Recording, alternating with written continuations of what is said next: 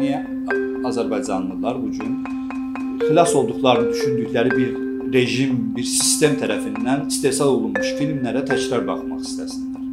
Qısaca desəm, çünki Azərbaycan milli kimliyi əslində, yəni e, bir çox iddiaların əksinə tam da 60-cı illərdən sonra, e, 50-lərin ortalarından sonra, yəni Stalindən sonra Sovet dövründə qurulub. Yəni kökləri əslində Azərbaycanlı, bugünkü Azərbaycan milli kimliyinin kökləri orada axtarmaq lazımdır.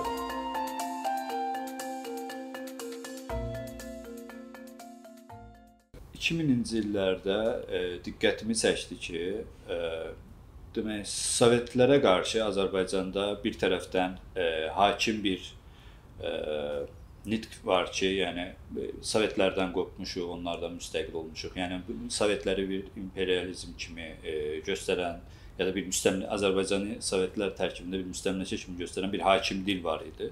Bu 90-cı illərdən etibarən gələn bir dil idi. Amma 2000-ci illərdə həm də bir tərəfdən də keçmiş e, Azərbaycan Sovet kinolarına qarşı bir maraq e, oyandığını, maraq olduğunu e, müşahidə elədi.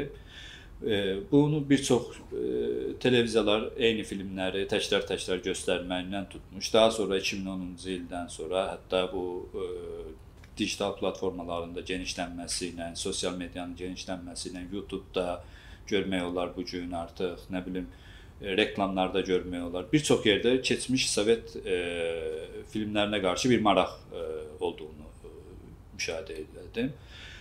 E, yəni burada bir paradoks var idi. Bir tərəfdən Sovetlərə qarşı belə bir e, demək ki, ondan o hardasa işğalçı kimi danışılan bir e, hakimlik Bir tərəfdən də amma həmin vaxtı istehsal olunmuş filmlərə qarşı bir maraq e, və bu bir çox e, yerdə də görə bilirdik bu filmləri.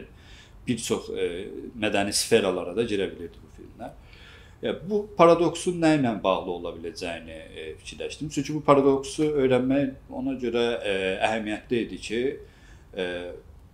bu bugünkü Azərbaycanın belə deyək, ictimai təhtəşüuru ilə bağlı nəsə xəbər verirdi, bir şeydən xəbər verirdi.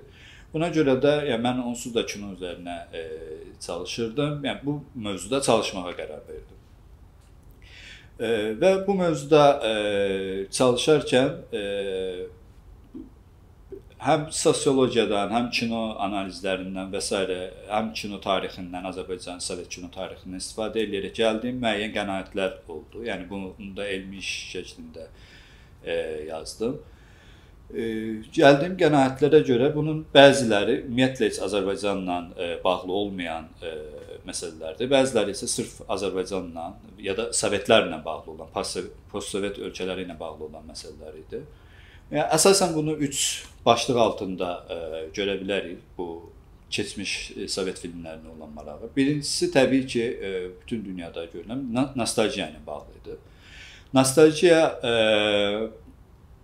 əslində yeni bir termin deyil. Yəni 17-ci əsrdən sonra İsveçrədə tibb ə, e, sahəsində ortaya çıxmış bir sözdür. Nostos və algiya sözləri, yəni ev ə, e, evə qayıdış və algiya həsrət deməkdir. Yəni ev həsrəti, evə qayıtmaq istəyi və s. kimi bunu bir xəstəlik kimi bir ə, e, görüb ilk başda İsveçrəli ə, həkimlər bir müalicə yazılırdı buna və s. Amma nostalgiyanın əsas ya, e, geniş yayılması 1970-ci illərdən sonra ortaya düşür, e, ortaya çıxır. Çünki e, 20-ci əsrin əvvəlləri Svetlana Boymun dediyi kimi, yəni 20-ci əsr utopiya ilə başladı, nostalgiya ilə bitdi deyirdi o. Yəni e, 20-ci əsr böyük utopiyaların, böyük xəyalların e, e, əsri idi. Daha doğrusu 19-cu əsrdən gələn bunları artıq həqiqətə, reallığa çevirməyə çalışan bir əsr idi. Amma 60-cı illərdə artıq e, o Parisdəki son tələbə hərəkatlarının da yatışması ilə bir yerdə e, o utopiyaların e, məğlubiyyətə e, müəyyən mənada uyması bir geri utopiyaya e, səbəb oldu. Nostalgiya da bununla bağlı idi və 70-ci illərdən etibarən yavaş-yavaş nostalgiya, keçmişə qayıtmaq, keçmişi keçmişə həsrət duymaq hissləri oyandı. Və bu amma 2000-ci illərdən sonra daha da xüsusən Sovetlərin də dağılmasından sonra 2000-ci illərdə daha da çox böyük vüsət alıbdı.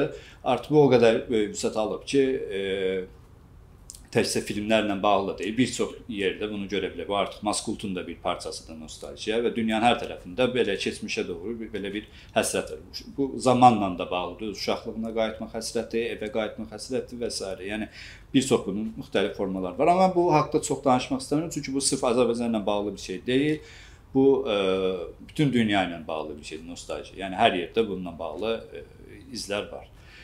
Təbii ki, Sovet nostalgiyasının özünə məxsus xüsusiyyətləri də var, amma yenə də bu e, nostalgiya məsələsi geniş, çox daha geniş bir məsələdir. Ona görə bunu bir kənara qoysaq, ikincisi kinonun özü ilə bağlı, kinonun gücü, kinonun potensialı ilə bağlı bir məsələ var. Yəni niyə bu məsəl üçün ədəbiyyatda deyil də daha çox kinoda və digər vizual sahələrdə ortaya çıxırdı.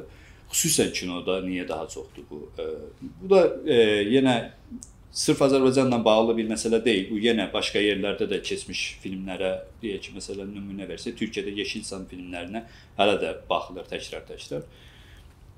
Yəni bu da sırf Azərbaycanla bağlı e, bir şey deyildi. Buradakı kinonun potensialı deyəndə kinonun gücü təbii ki, kinonun bir e, bir çox duyğu orqanlarımızı bir araya gətirdiyi üçün, bizi onun içinə həbs elədiyi üçün kino özünün e, kinonun e, digər sənət formlarından daha güclü bir təsiri olduğu var. Bu ayrı bir məsələ.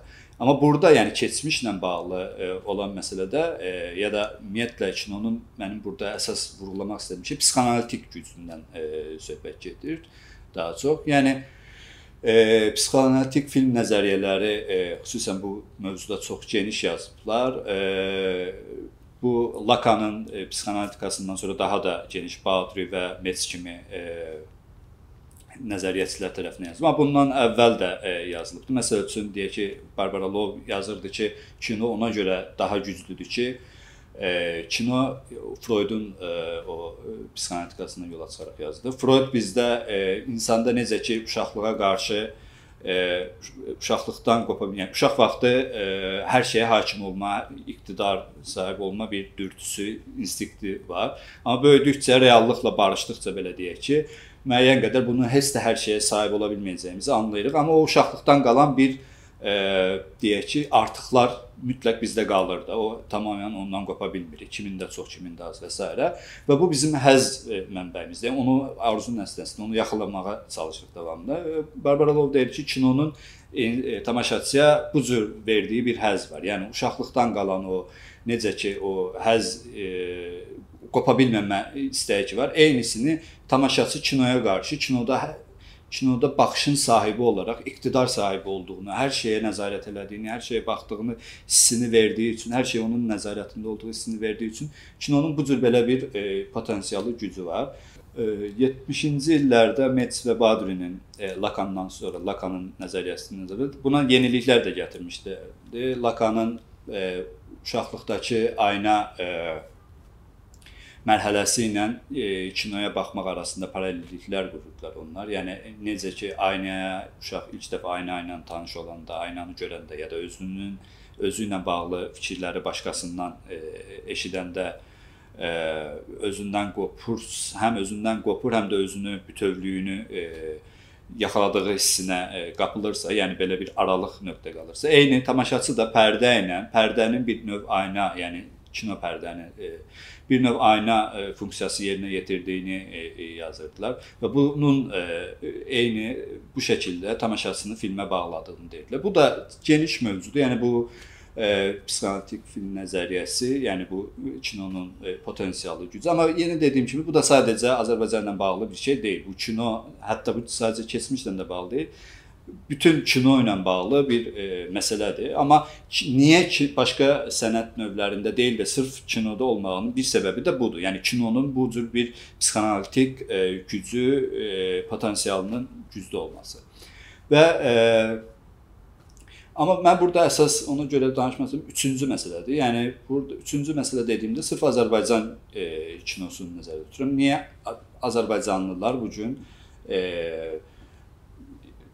hardasa e, xilas olduqlarını düşündükləri bir rejim, bir sistem tərəfindən istehsal olunmuş filmlərə təkrar baxmaq istəsinlər.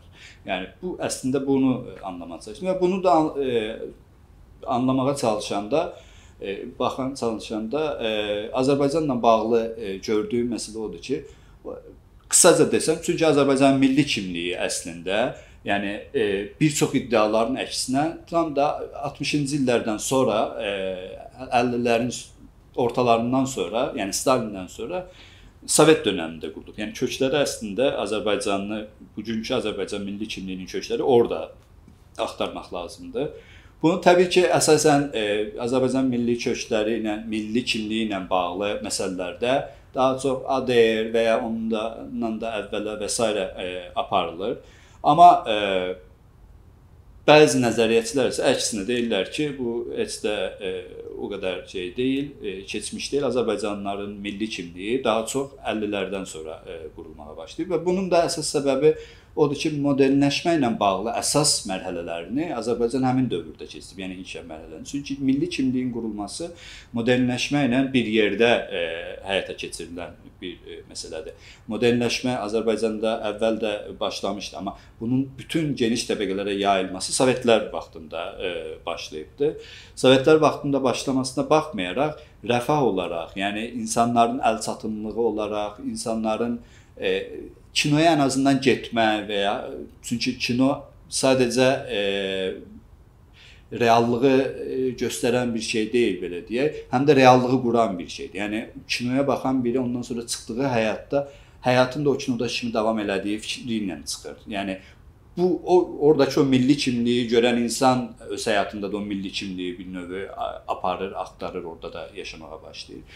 Bu kinoya əlçatımlılıq həmin dövrdən sonra başladı. Sadəcə kino da deyil. Ümumiyyətlə bu e, belə deyək, informasiya vasitələrinin, e, kommunikasiya vasitələrinin geniş yayılması, məsəl üçün e, belə deyək də, kimlik etnik e, qrupun içərisindəki fərdlər arasında nə qədər e, çox milli kimlik, nə qədər çox informasiya, kommunikasiya vasitəsi artarsa, bu cür e, onda qurulmağa başlayır e, e, milli kimlik teoriyalarının teoriyalarının əsasında budur.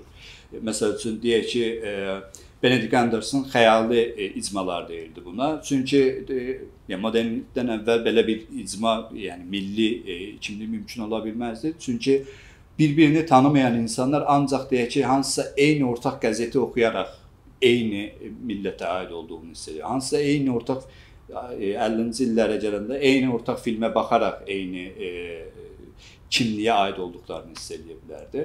Və Azərbaycan kinosuna baxanda da Sovet dövründə Azərbaycan e, dakı Sovet Azərbaycan kinosu ümumiyyətlə bütün Azərbaycan Sovet kinosu əslində milli idi, yəni bir tərəfdən heç vaxt o millilikdən qopmamışdı. E, çünki iddiaların əksinə Sovetlərə Stalin dövrünü çıxmaq şərti ilə, yəni 20-ci illərdə kolonizasiya e, siyasəti ilə bir yerdə həmişə yerliliyə e, əslində imkan verilmişdi, üstünlük verilmişdi. Yəni bu ikisinin modernliklə milliliyi, yerliliyi bir növ birləşdirməyə çalışırdı əslində Sovetlərin e, teoriyası. Ona görə də həmişə bu yerlilik teması e, yerlilik vurğusu Sovet kinosunda, Azərbaycan Sovet kinosunda olubdu. Sadəcə bunun formaları dəyişibdi. Deyək ki, bunun 3 əsas mən kateqoriyaya e, hardasa görürəm e, belə deyim bu cür ayırdım. Yəni 20-30-cu illəri deyək ki, e, inqilabi e, milli filmlər, e, 50-ci illərin ortalarından 60-cı illərin əvvəlləri bu aranı 60-cı illərin ortalarına kimi belə deyək, bunu hardasa modernləşdirici, e, yenilikçi milli filmlər və 60-dan sonra 65-dən sonrakı, yəni 60-dan ortalarından sonrakı e, Sovetlərin sonuna qədər olan ya da perestroikaya qədər olan filmləri isə e, mühafizəkar milli filmlər olaraq e, kateqoriyalara ayırıram. E, bunu ayırmağımın səbəbi inqilabçı milli filmlər onsuz da bəllidir. Yəni həmin ilk dövrdə İsmət, Almaz və s. yəni bir çox şeydə qadınların məsəl üçün obrazlara baxsaq hamısı inqilabçı obrazlardır. Yəni inqilabçı deyəndə yəni cəmiyyəti inqilabi şəkildə dəyişdirməyə çalışan e, filmlərdir bunlar. Yəni onlarda vurğu çox böyükdür. 50-lərin ortasından 60-ların ortasına qədər olan filmlərdə e, burdakı millilik belə deyə artıq o inqilabi e, güc yoxdur, amma yenə də hardasa modernləşmə e, belə deyək, xoş görülür, modernləşmə tərəfdarıdır bu filmlər, inşaatlar göstərilir. E, qadın obrazlardan yenə e, danışsaq, qadın obrazları inqilabçı olmasa belə yenə də güclü qadın obrazlar var. Məsəl üçün Aygün var, e, Əhməd Aradadır da, Nərgiz var. E, bütün bu e, güclü qadın obrazları hələ də görə bilirik, amma 65-dən sonrakı filmlərdə e, e, daha çox artıq e, mühafizəkar e, milli dediyimiz, yəni artıq premodern e, ənənəvi e, dəyərlər filmlərdə daha çox e, görünməyə başlayır. Nəinki də çox görünməyə. Demək olar ki, tamamilə bunların əhatəsi altındadır. Yəni bu nədir premodern e, dəyərlər? Yəni artıq daha çox keçmişə qayıdış, özə qayıdış, özümüzə qayıdış kimi temalar ya da e, belə deyək, qadın kişi rollarında artıq e, kişi demək olar ki, bütün filmlərdə e, əsas rol kişidədir. Qadın onu ya bir tamamlayıcısı, ya onu fəlakət gətirən, ya ona e, deyək ki, onu əxlaqi dəyərlərə e, ucaldan hansısa ana obrazı və s. kimi saflıq, iffət bu cür e, şeyləri təmsil edir. Bir-iki nümunə versək, filmlərin adından da onsuz da bir çox şey görünür. 7 oğul istərəm məsəl üçün, yəni çox bariz şəkildə qadın kişi bölgüsü orada çox aydındır. Nə bilim, e, və yaxud xatirələr sahili, çavdarların izi ilə e, bir çox filmdə məsələn Çavdarların izi ilə hansısa şəhərdən gəlmiş bir e, mühəndis öz yerli Laz kəndindəki keçmişə dair e, xatirələrə, onun qədimiliyinə heç əhəmiyyət vermədən yol çəkməyə çalışır, amma yerli əhali bunu e, qarşısını alır və s. Məsələn burada bir e, kiçik də bir e, müqayisə aparsaq, halbuki məsələn 60-cı illərin əvvəlində ona görə modernləşmə daha e, daha hələ e, yüksək dediyim E, məsəl üçün Əhməd Aradadov fikirləş. Əhməd Aradadovda tam tərsinə kənddə e, hələ də e, deyək ki, e, hansısa bir problem gedir şəhərdə həll olunur. Yəni şəhərdən yana, urbanizasiyadan yana, sənayeləşmədən yana idi. Amma 65-dən sonrakı filmlər artıq bir növ bunların əleyhinə daha çox ənənəvi filmlər idi. Və bu film buna görə də e, bu gün Azərbaycanlıların baxdığı, özünü tapdığı filmlər və ona görə də bugünkü daha çox sevilən filmlər, daha çox bu 65-dən sonra çəkilən filmlərdə daha çox e, üstünlük görür. Çünki bu gün yaşadığımız dəyərlər, e, milli kimlik və s. daha çox o dövrdə qurulmuş milli kimliyin, dəyərlərin e, davamıdır. Onlarla belə deyək, bir-birindən, yəni demək e, belə yekunlaşdırsaq, SSR ilə bugünkü Azərbaycan arasında, yəni o bəhs elədiyim dövrlə bugünkü Azərbaycan arasında bir qopma yox, bir davamlılıq münasibəti olduğunu nəzərə alıb, yəni bu günə də o cür baxmaq lazımdır.